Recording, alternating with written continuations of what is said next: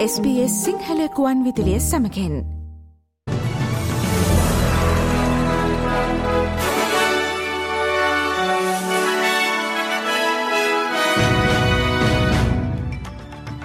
ප්‍රථමයෙන් සිරස්තල සයිබ ආරක්ෂාවට ප්‍රමුඛත්වය දෙමින් ඔස්ට්‍රලියාව නව ජාතික සයිභාරක්ෂණ සම්බන්ධීකාරකවරයෙක් පත් කරයි.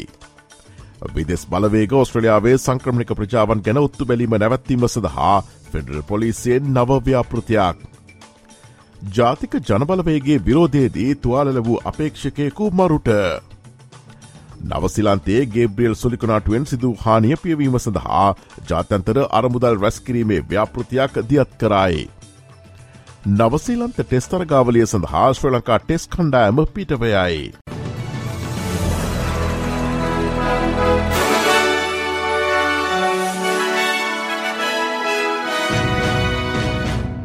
SBS සිංහල ප්‍රෝති සමඟ මම මදුරසන විරත්න.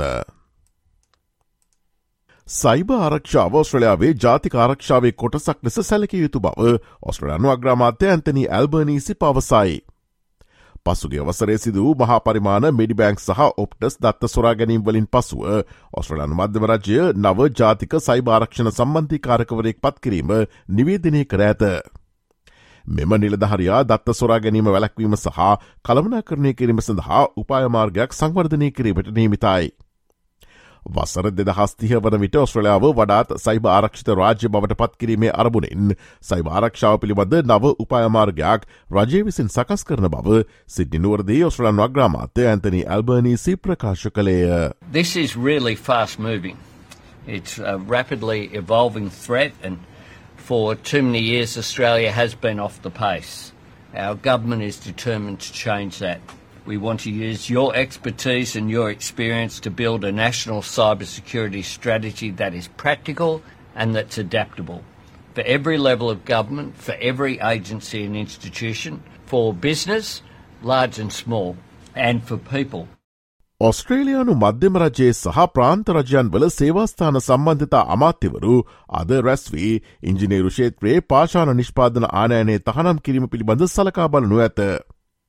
මුළුතැන්ගේ බෙන්ස්ටොප් වැනි ඉදිකිරීම් සමඟ කටයුතු කරනාය තුළ සිලිකෝසිස් වැනි පෙනහල් රෝග වර්ධනයවීමේ ශීග්‍රතාව සහ සංඛ්‍යාව නැවැත්වීමට බලධහරින් ඉක්මනින් පීවර ගතයුතු බවට වෛද්‍ය සහ සෞඛ්‍ය වෘතිකින් විසින් කරන ලද ඉල්ලිම් මධ්‍යේ මෙම රැස්වීම කැඳවා තිබේ. වෛද්‍යවරුන්ගේ රාජකීය විද්‍යාලය ඔස්ට්‍රලයාාවේ සහ නවසලන්තේ උරස් සංගමය ඔස්ට්‍රලනු වෘතිය සහ පාරිසරික වෛද්‍යපීටය ශ්වසන රෝගලේඛනය මේ සම්බන්ධයෙන් වඩත් පුළුල් ලෙස රජයේ රෙගුලාස ඉල්ලා සිටින කණ්ඩෑම් අතරවේ. මෙම ගැටලුවේදී කාලය ඉතා වැදගත් බව රාජකය වෛද්‍ය විද්‍යාලයේ වෛද්‍ය ග්‍රෑම් එඩ්වර්ඩ්ස් පවසයි. Those poor workers are going to suffer the consequence of the inaction of the regulators because they know that just simply doing a after the fact you know, rap on the knuckles, issuing a, a, an infringement notice, or trying to correct the behaviour of that particular workplace is not going to protect the health and well-being of that worker. විදේශීය රාජ්‍යන් විසින් තමන්ව නිරීක්ෂණය කරනු ලබන්නේ නම් අදාල Australian බලධහරන්ව දැනුවත් කරන ලෙස සංක්‍රමික පසුබිමලින් ඔස්ට්‍රලාවට පැමිණ වෙසෙන ඔස්ට්‍රලන්වන්ගෙන් ඔස්ට්‍රලන් ෆෙඩල් පොලිසිය ඉල්ලායි. සංස්කෘතික සහ භාෂාමය වශයෙන් විවිධ වූ ප්‍රජාවන්ට ඔවුන්ගේ අයිතිවාසිකම් සහ විදේශය රාජ්‍යන් විසින් ඔවුන්ව ඉලක්ක කර ඇති බවට ඔවුන් විශ්වාස කරන්නේ නම් කුමක් කළයුතු දෙයන්න දැනුවත් කිරීම අරමුණු කරගෙන ඔස්ට්‍රලනු ෆෙඩල් පොලිසිය නව දැනුවත් කිරීමේ ව්‍යාපාරයක් දියත් කරතිබේ. මෙම දැනුවත් කිරීමේ ව්‍යාපාරයට භාෂාතිහකට අධික සංඛ්‍යාවකට පරිවර්තනය කිරීමට නීවිත තොරතුරු පත්‍රිකාවක් ඇතුළත් වන අතර ඔස්ට්‍රලනු බොහමිය සිටින ඩයිස්පෝරා ප්‍රජාවන් සමඟ සම්බන්ධවීමට ඔස්ට්‍රලනු ෆෙඩල් පොලිසියේ ප්‍රජා සම්බත්තා නිලධහරින්ට බලය පැවරී ඇත. ඉන්දියාව වියට්නාමය තායි කාම්බෝජ සහ ලාෝසියානු පසුවිම් ඇති පුද්ගලයන් හසුකර ගැනීම සඳහා චීනය රුසියාව සහ ඉරානයට ඔබ්බෙන්නූ රටවලින් මෙහියුම් පැමිණ ඇති බව පොලිසිය පවසයි.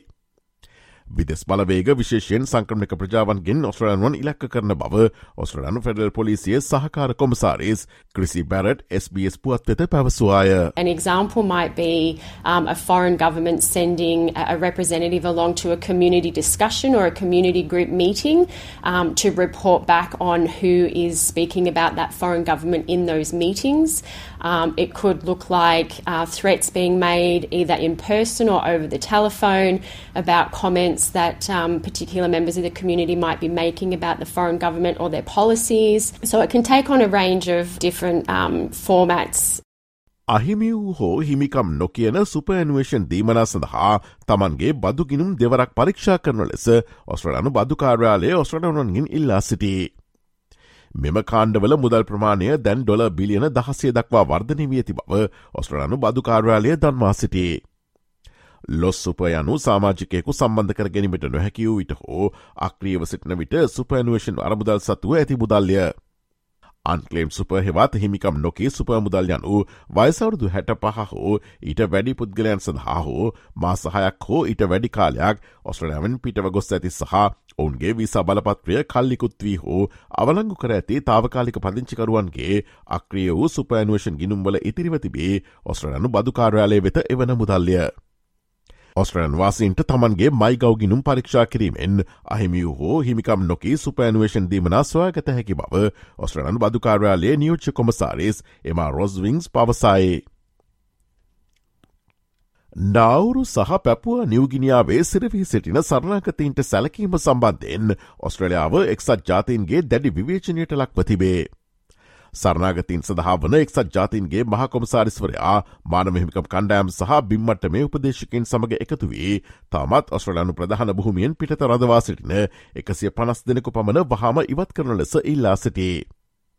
ජාතන්තර නීතිරීති යටතේ සරනාගතින් සුරක්ෂිතව පදිංචි කිරීම සම්බන්ධයෙන් ඔස්ට්‍රලන් රජයට නීතිමය වගකීමක් ඇති බවත් එය ඉවත් කළ නොහැකි බවත් එක්සත් ජාතින්ගේ සංවිධානය පවසයි.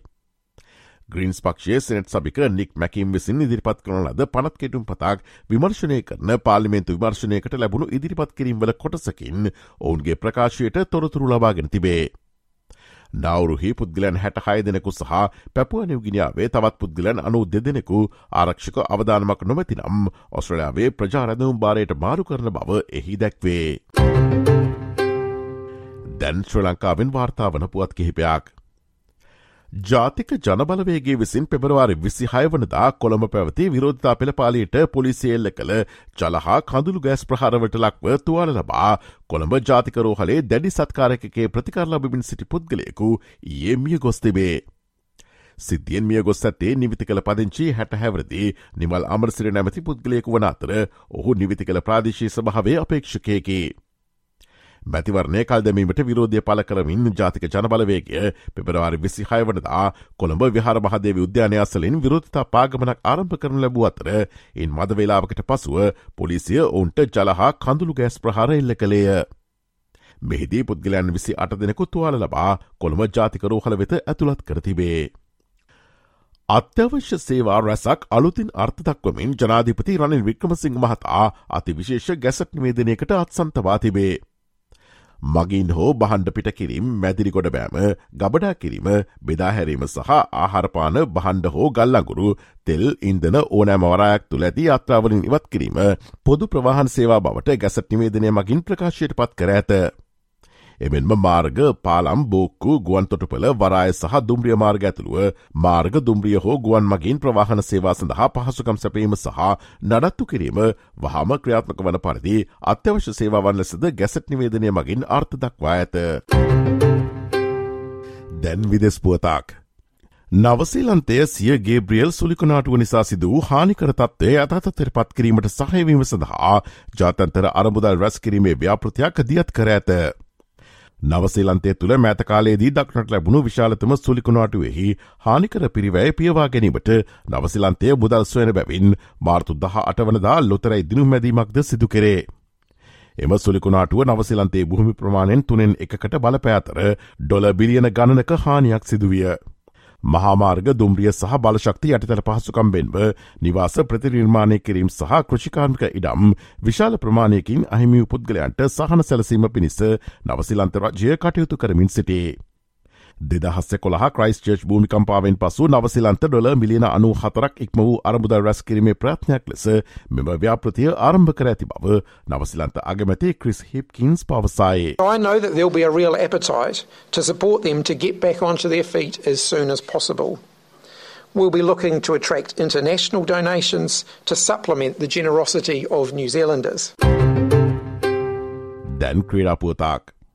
තරඟ දෙකින් සමන්විත ටෙස් තරඟාවලයකට ක්‍රඩා කිරීම සඳහා ශ්‍ර ලංකා ජාතික ටෙස් ක්‍රිකට් කණ්ඩෑම ඒ නවසිලන්තේ බලා පිටත්වගේය. දිමුත් කරුණාරත්නගේ නායකත්තෙන් යුතුව මෙව ටෙස් තරඟාවලියට සහභාගිවීම සඳහා ක්‍රඩකැන් දා හත් දෙනෙකු සහභාගී වී තිබේ. මාර්තු මස නවනිදා සිට දහතුන් වනිදා දක්වා ක්‍රයිස්්චෂ් නුවරදී සහ මාර්තු මස දාහත්වනදා සිට විසි එක දක්වා වෙලින්ටෙක් නුවරදී පැවත්වෙන මෙම ටෙස් තරගදිත්තය ජාතන්තර ක්‍රිකට් කවන්සලේ ටෙස් ශෘතාවලියට අයත්වේ. මෙම තරගදිත්තේම ජයග්‍රහණය කළහොත් ශ්‍ර ලංකාවට එම ටෙස් ශෘතාවලයේ අවසන් මහතරගේට සුස්කම් ලබීමට අවස්ථාව උදාකර දෙනු ඇත. කෙසේ වෙතත් මීට පෙර දසවතාවක් නවසලන්තේ සංචාරය කර ඇති ශ්‍ර ලංකාපිල එහිදී ටෙස්තරඟ මාලාවක් ජයගනු ලැබුවේ වත් පංචාතික ක්‍රඩා සභාවේ සභාපති අර්ජුනනතුන්ග මහතාගේ නායකත්වයටතේ එක් දහස් නම්සය අනු පහවසරේ පැවති ටෙස්තරඟ මාලාව පමණේ. ඔස්ට්‍රලන් ඩොලට සාපෙක්ෂවත් දිනේ විනිියනු පාතිකන් සටහන් වන්නේ මෙයාකාරෙන් අමරිකාන් ඩොල සත හැට හතයි බ්‍රතාන්‍ය පවම් සත පනස් හයයි යුරෝ සත හැට හතරයි ජපන්නෙන් අනු එකයි සතාසුවයි ශ්‍ර ලංකාරුපියල් දෙසිය හතලිස් හතරයි සත පනස් සටයි. ඔස්ට්‍රලයා පුරාධනය කාලගුණ තත්වය වාර්තාවන්නේ මෙයාකාරෙන් පර්ත් සෙල්සිස්තිස් හතයි ආලොකොමත්දිනයක් ඇඩිලෙට් විසි හතරයි තරමක් වලාකුළු සහිතයි. මෙල්බන් දහනවයයි වලාකුළු සහිතයි. හෝබට් සෙල්සෙස් විස්සයි වලාකුළු සහිත දිනයක්. කැන්බරා විසිනවයයි තරමක් වලාකුළු සහිතයි. සිඩ්නි විසි හතයි වලාකුළු සහිත දිනයක්. බ්‍රිස්පෙන් සෙල්සෙස් තිස්ස එකයි ආලොකුමත් දිනයක්. ඩාවින් තිස්ස එකයි මදවැසි ඇතිවිය හැකි දිනයක්. කොළඹ හතදස්සන්න ප්‍රදේශවල අද කාලගුණය සෙල්සෙස් විසි හතරත් තිහත් අතර සාමාන්‍ය කාලගුණයක්.